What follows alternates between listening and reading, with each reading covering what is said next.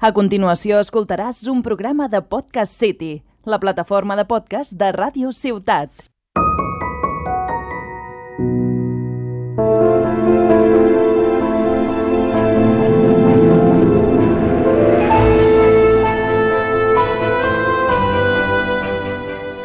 Bienvenidos al más especial y último capítulo de Hablamos de Terror, al menos por esta temporada. Hoy doy un Arnau. Hoy no hay una película ni un videojuego del que vaya a hablar. No tengo una historia para vosotros. Hoy simplemente soy yo y un micrófono. Hoy quisiera cerrar, toda la temporada de Hablamos de Terror con una propuesta simple. ¿A qué debemos tener miedo en verdad? Os he hablado de películas, de manicomios, de pintores que se vuelven locos, de asesinatos, de riesgos biológicos. Os he hablado de variedad de cosas a las que podríamos tener miedo, pero son todas ficticias.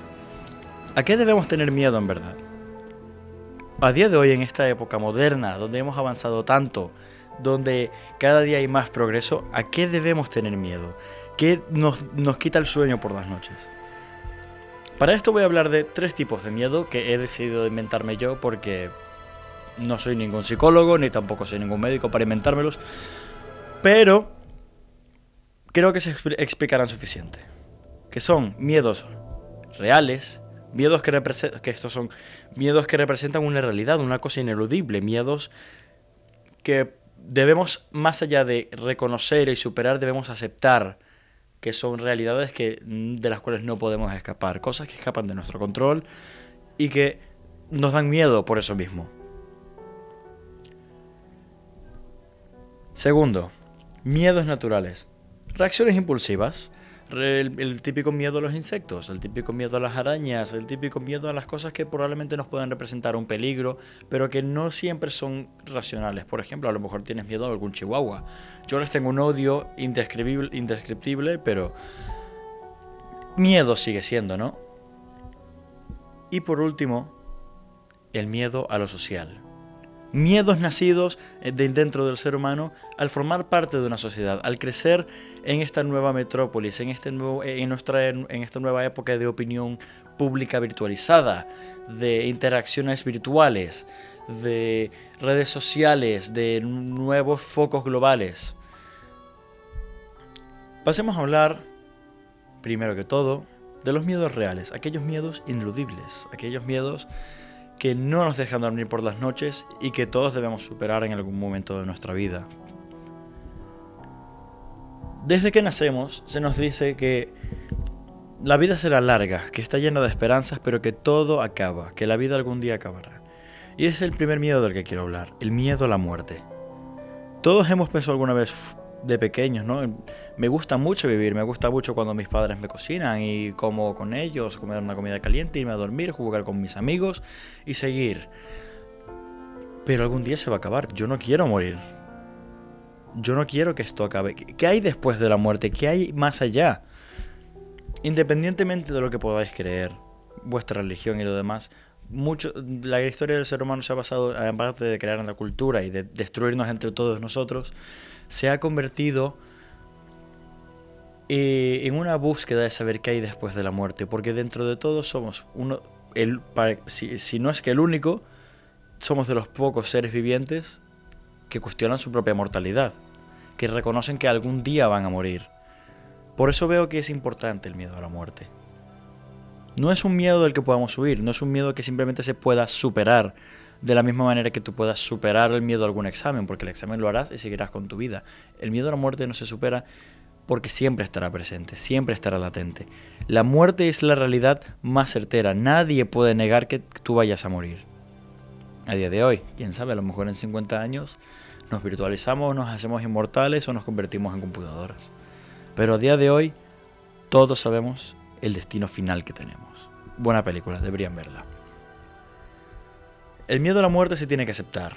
Es un miedo que nos seguirá todo el tiempo hasta que nosotros nos demos cuenta de que un día todo va a acabar y que no hay nada de malo. A nivel personal pienso que la muerte es solo un paso más. Si no hay nada más allá, no importa. Es mejor disfrutar de la vida ahora que pensar en que algún día va a acabar. Tú no piensas que cuando te compras una botella de Coca-Cola que te la acabarás. Piensas que la vas a disfrutar, que vas a beber y que por el momento se será tu sed. Si hay algo más allá de la muerte, ya lo sabremos cuando estemos allí. Puedes creer lo que quieras al respecto. No soy quien para decirte que debes creer. Pero yo creo que la vida va mejor siendo una sola. Si yo ahora mismo tuviese la certeza de que hay una vida más allá, no sé si viviría esta con todo el cariño y, ilusión que le tengo. Este es el miedo más real que puedo encontrar. Es un miedo que llegará, un miedo del que no puedes huir. El miedo a la propia mortalidad. Hay otro bastante parecido, pero no del todo igual, que es el miedo a que se acabe el tiempo. Todos hemos tenido algún examen que llega pronto, por el cual no hemos estudiado. Todos hemos tenido una cita para grabar un podcast y hemos tenido que correr a último momento porque el técnico seguramente se escapará.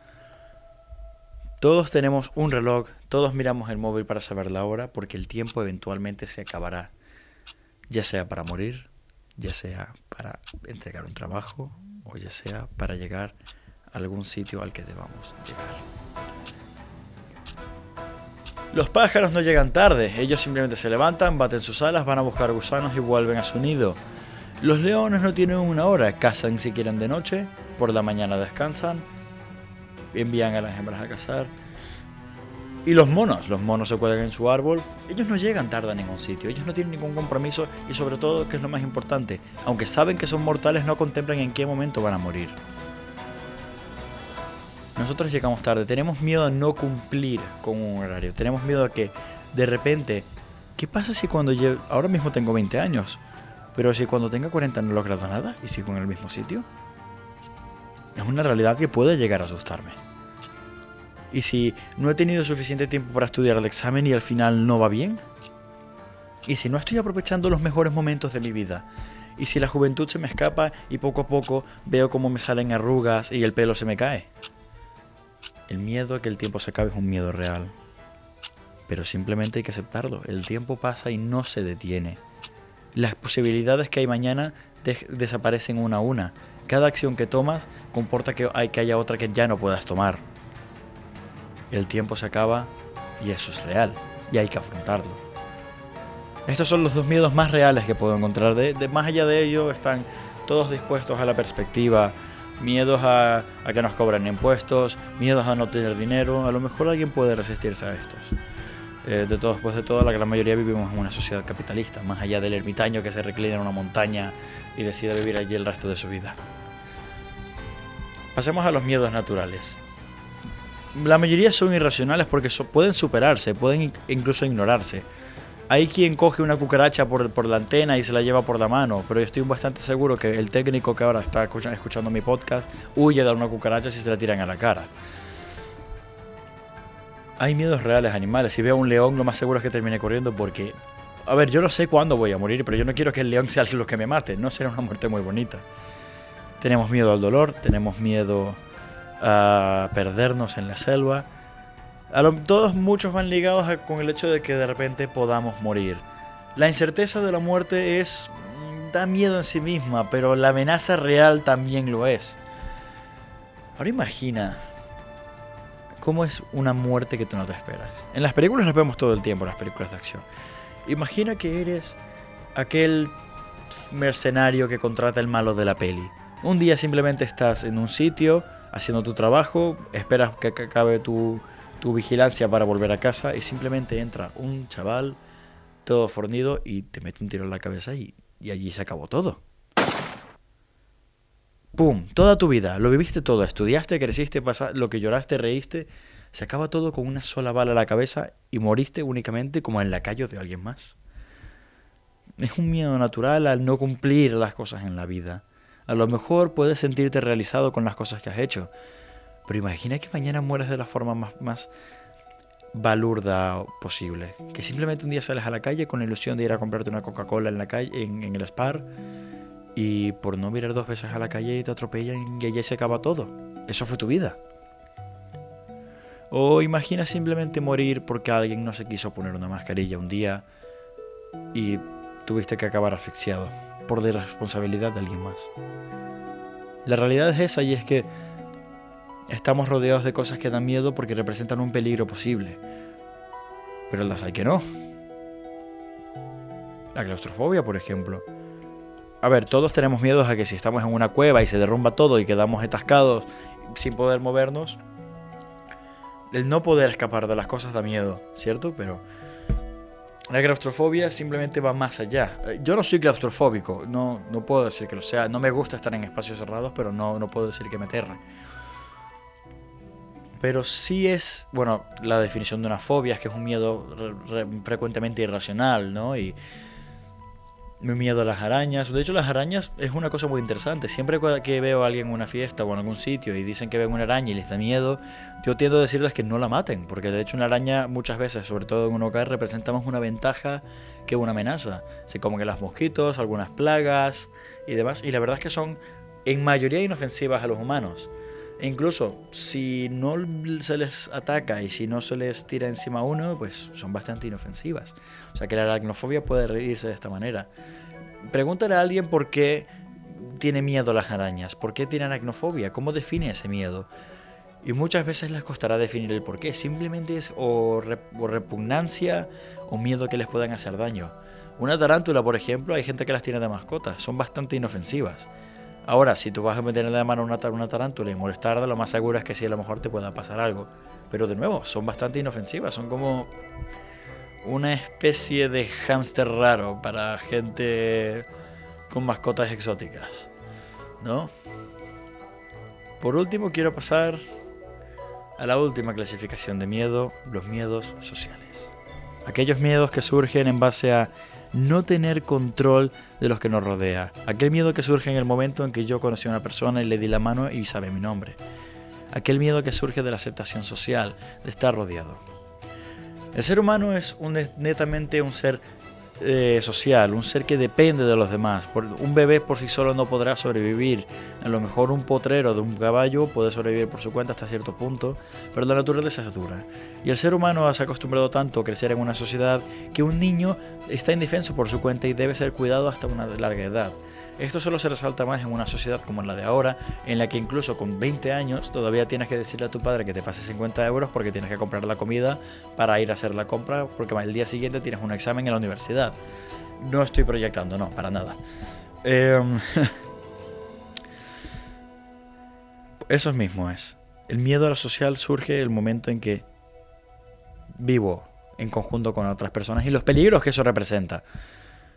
El principal y más claro es el miedo a estar solo. ¿Y si el día siguiente todo el mundo deja de hablarte? ¿O si el día siguiente eres el último ser humano en la Tierra? Al principio, alguien puede decir, será la hostia.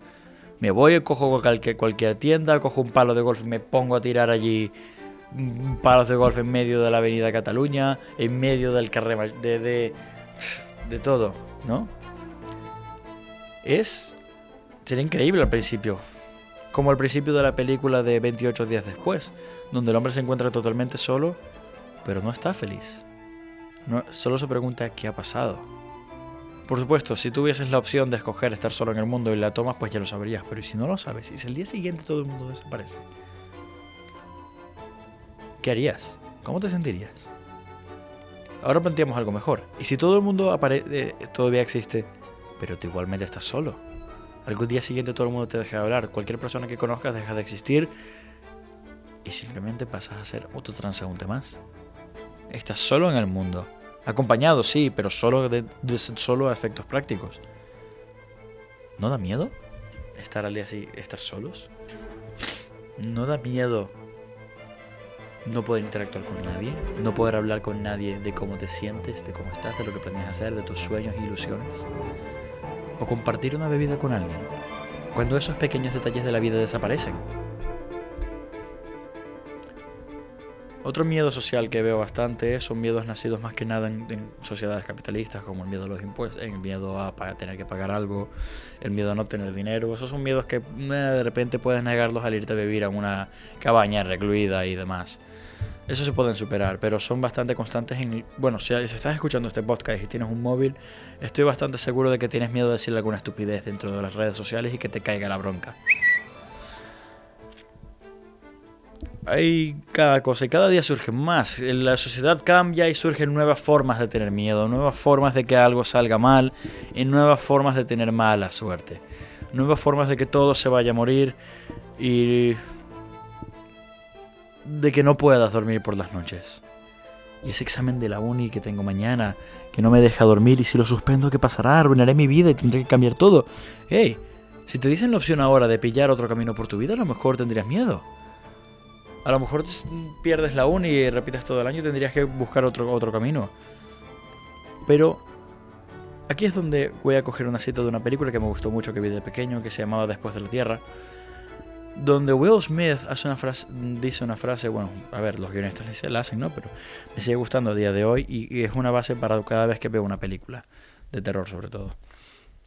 El peligro es real, pero el miedo siempre es una opción. Siempre puedes escoger tener miedo o afrontarlo. O mejor aún, puedes tener miedo y afrontarlo de igual manera. Hay cosas, el miedo es importante, es como la felicidad, el odio, la ira, el asco, son sentimientos importantes y el miedo es uno de ellos, es el que nos, recuerda muchas veces junto al dolor de que estamos vivos, de que algo falta o de que algo anda mal. Nos recuerda que no todo en la vida es bonito, nos recuerda muchas veces que estamos vivos. Sino porque la gente sube montañas rusas. ¿Por qué al bajar a esa velocidad de vértigo la gente al principio tiene miedo, pero cuando baja es el mejor momento de su vida? Por eso a mí me gusta mucho el miedo. Por eso hago este podcast y por eso me encanta el cine de terror. Porque es ese pequeño choque de adrenalina, ese pequeño momento de susto y de desesperación y de, y de confusión que hace que te sientas vivo. Hay variedad de formas de sentirse vivo, pero esta es una única. Y es lo que yo más valoro.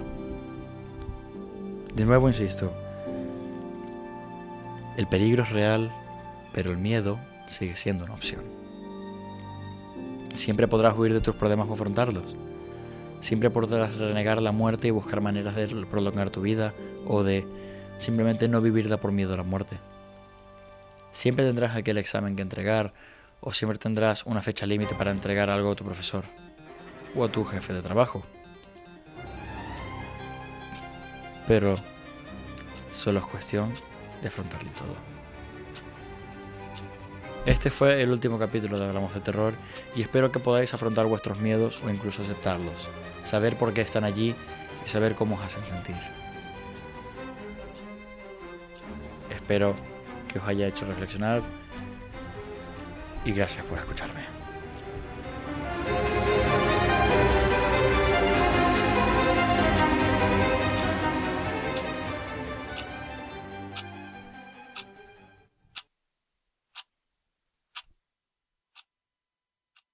Has escoltat un programa de Podcast City, la plataforma de podcast de Ràdio Ciutat.